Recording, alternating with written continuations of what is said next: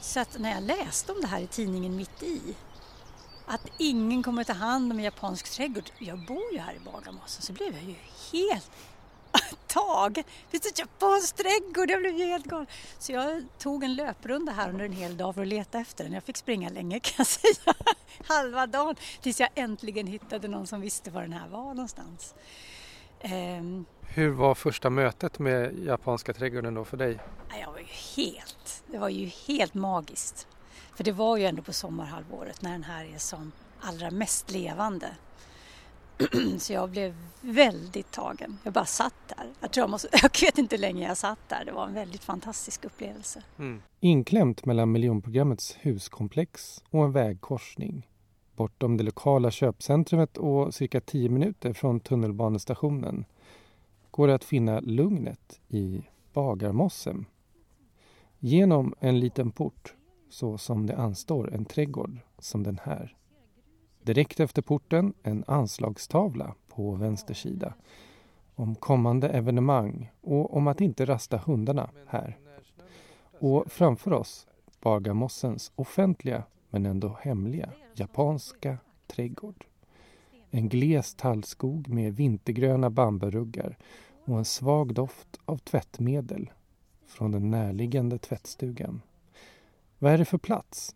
För att veta mer så har jag med mig Petra Wetterholm, en av trädgårdens skötare och ledare i skogsmeditation. Den hela här, du ser att det är små stenpartier här. Och här kan man också se att det är format på vissa plättar här som en slags liten stenträdgård. Det finns ju olika typer av japanska trädgårdar. Det finns ju de som kanske är mest berömda, de här zen-trädgårdarna med bara krattat grus och så några stenar. Det här är ju mer av en teträdgård. Och en teträdgård, det är spännande. För den är liksom lite mer, vad ska jag säga, lite, den är inte så enormt tuktad. Mm. Den är också meningen att man kan faktiskt ströva i. Det är inte riktigt bara en meditationsträdgård så det är en strövoträdgård. Man kan till och med ta en kopp te och gå runt här. Det brukar vi göra när vi har våra evenemang. Då, ja. då säljer vi te och så kan folk gå och sätta sig någonstans med sin temugg eller ströva. Så den, den är lite mer, en, en skogsträdgård brukar vi kalla den också ibland eftersom det är så mycket skogsträd. För bara några decennier sedan var platsen för den japanska trädgården en ogenomtränglig slidunge. Men en av områdets boende, Paul Bergström, fick 2003 en vision. Slidungen skulle bli en grön mötesplats. Och eftersom han redan varit med om att starta Svenska Bonsai-sällskapet var inriktningen klar. Genom ett så kallat brukaravtal med kommunen fick han och hans fru Anneli tillstånd att rusta upp platsen utan betalning och med villkoret att den skulle vara offentlig. Paret har idag flyttat från platsen men kvar finns en 3000 kvadratmeter stor lunga. För att Slin inte ska återta området har en grupp boende här tagit över skötseln och en av dem är alltså Petra. Eh, vad är en japansk, ja, japansk trädgård för dig? Ja, det är bra att du frågar för mig för jag är verkligen ingen expert på japanska trädgårdar. Men för mig är det en viss form av balans.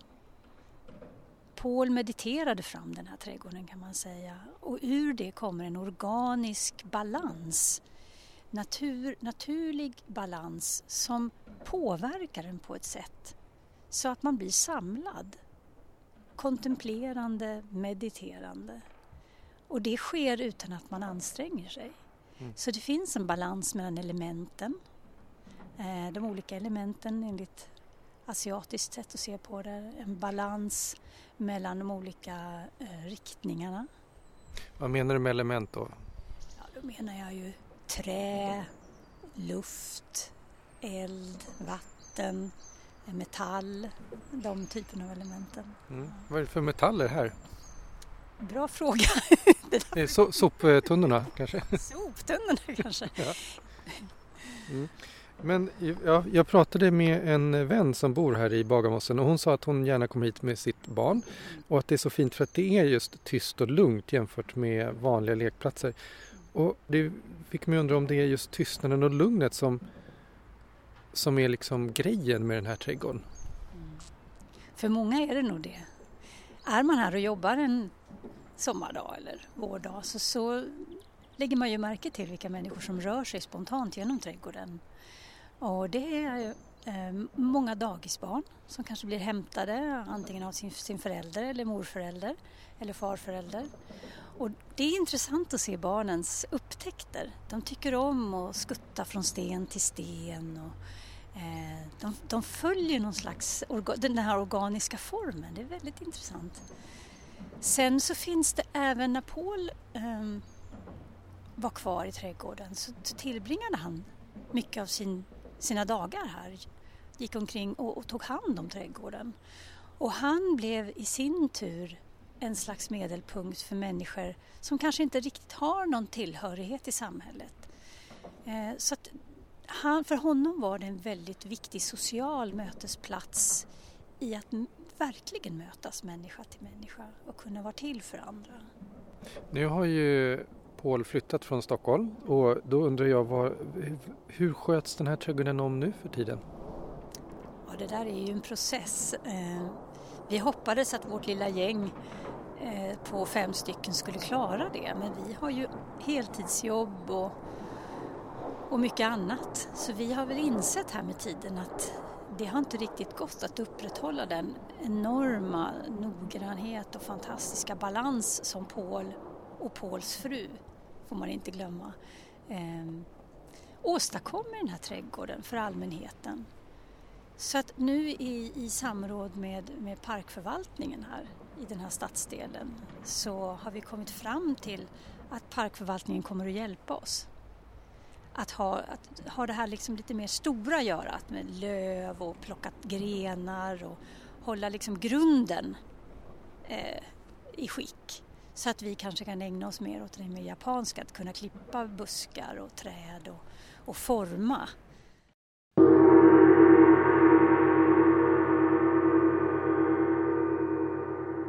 Världens äldsta trädgårdsbok heter Sakuteiki den skrevs i Japan för nära tusen år sedan. Alltså, den japanska trädgården har en lång historia och den präglas av de fem elementen jord, luft, eld, vatten och sten. Elementen ska inbjuda besökaren till en vandring med olika blickpunkter. En japansk trädgård behöver inte innehålla en enda växt, bara man kan finna ett lugn i den. Det läser jag i en trädgårdstidning. Naturen är helig och ska vördas. Stenar är mycket viktiga. Det gäller också i Bagarmossen. Startpunkten för den japanska trädgården här var just en stor sten som placerades centralt nedanför en bergknalle. I trädgården rinner också små vattendrag, men utan vatten. Vattnet här är av grus. Massor med spår här. Ja, mycket spår. Och här är egentligen vattnet som går här. Jaha. Men det ser vi inte nu för att det är grus. Det symboliserar grus i en japansk trädgård symboliserar vatten. Så det är som små öar här kan man säga. Stenpartierna i mitten här. Så då, då går man på vissa stigar eller vad jag ska säga och då ser man ungefär var man ska gå. Men okej, men om det symboliserar vatten, betyder det att man ska undvika att gå direkt i gruset? Då? Ja, det är ju liksom lite precis tvärtom mot hur vi brukar göra här i en vanlig trädgård eller där vi går på gruset. Så att det kan ibland vara lite förbryllande för folk som gärna går på gruset. Då kan vi bli lite så här, men du vet det här är vatten. vi går och vadar i vattnet här nu. Ja, så får man liksom hjälpa folk att se att det är vatten för då kan man då får man en annan upplevelse av trädgården. Ja. Man ser det. Men finns det vatten som inte är grus här? Nej, det gör ju inte det. Nej. Så i de trädgårdarna som inte har tillgång till, till vatten så, mm. så gör man så även i Japan, att man lägger grus. Jag och Petra Wetterholm tar en promenad genom trädgården till hennes favoritplats. En liten platå med utsikt över trädgårdens centrala bergknalle. Bredvid oss ligger en stor kompost och bakom oss på andra sidan gatan återvänder byggarbetarna till sitt jobb efter lunchpausen. Här är min favoritplats. Därför att om vi går upp här och ställer oss Mm. och blickar åt andra hållet så får vi en vidvinkelvy av den japanska trädgården. Och tanken från början var att just göra en meditationsplattform precis här. Den har bara inte kommit till än. Så trä, trädgården är fortfarande i vardande. Här till vänster så ser du vattenfallet som sakta söker sig neråt här, hel, ja, runt alla stenpartier här. Mm. Så du får din lilla stenträdgård här. Och du har en port till höger. Och så berget framför. Fantastiska välvda berget framför. Mm. Så du får mossan också och alla buskarna då. Men en annan sak, ja, det står ju också på hemsidan ner att det meditativa förhållningssättet är en del av berättelsen om trädgården och har mycket att ge människor i vår tid. De många lider av stress och utmattning. Först undrar jag, håll, håller du med om det? jag håller med om det. Ja, för du är ju då också en aktiv inom, eh, nu ska jag uttala det korrekt här, Nej, jag överlämnar åt dig. Ja, Shinrin-yoku tänker du på. Mm. Ja. Kan du kort berätta vad är det för något? Ja, Shinrin-yoku, det är som du hör ett japanskt begrepp. Det betyder ordagrant skogsbad. Eller att ta in skogsatmosfären med alla sinnen. Och Shinrin-yoku växte fram på 80-talet i Japan.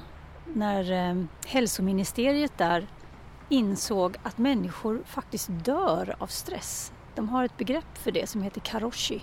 Så att man såg att i den japanska människans urbana vardag så fanns det väldigt, väldigt lite naturkontakt. Och kommande ur, ur, ur det då så började de inrätta stora, stora hälsoparker i Japan och inrättade just det här begreppet Shinrin-yoku och där, därmed också Shinrin-yoku-guider.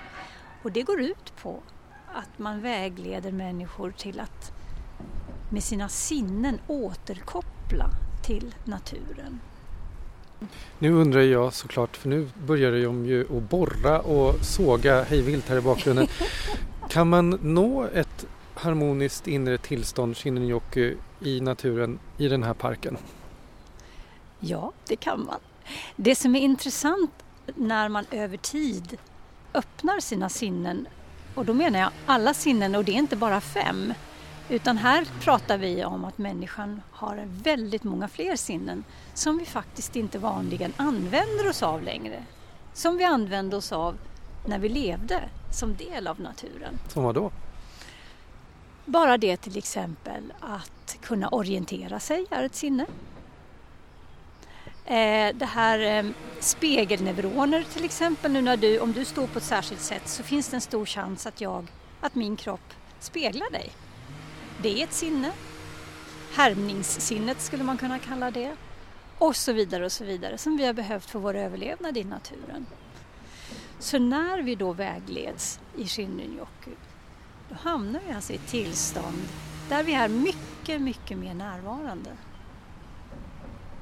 Jag tänker att vi ska gå sakta tillbaka samma promenad som vi började i den här trädgården. In i Ja, det, in, in i skogsdungen som är på andra sidan av trädgården helt Ja. enkelt. Ska vi göra det? Och, och eh, tacka för idag. Ja, det låter jättefint. Ja, tack. Det var här du tänkte.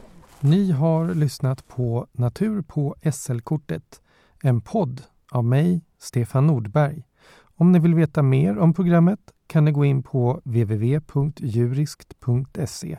Och om ni vill diskutera programmet så kan ni också gå in på Facebook-sidan för Natur på SL-kortet.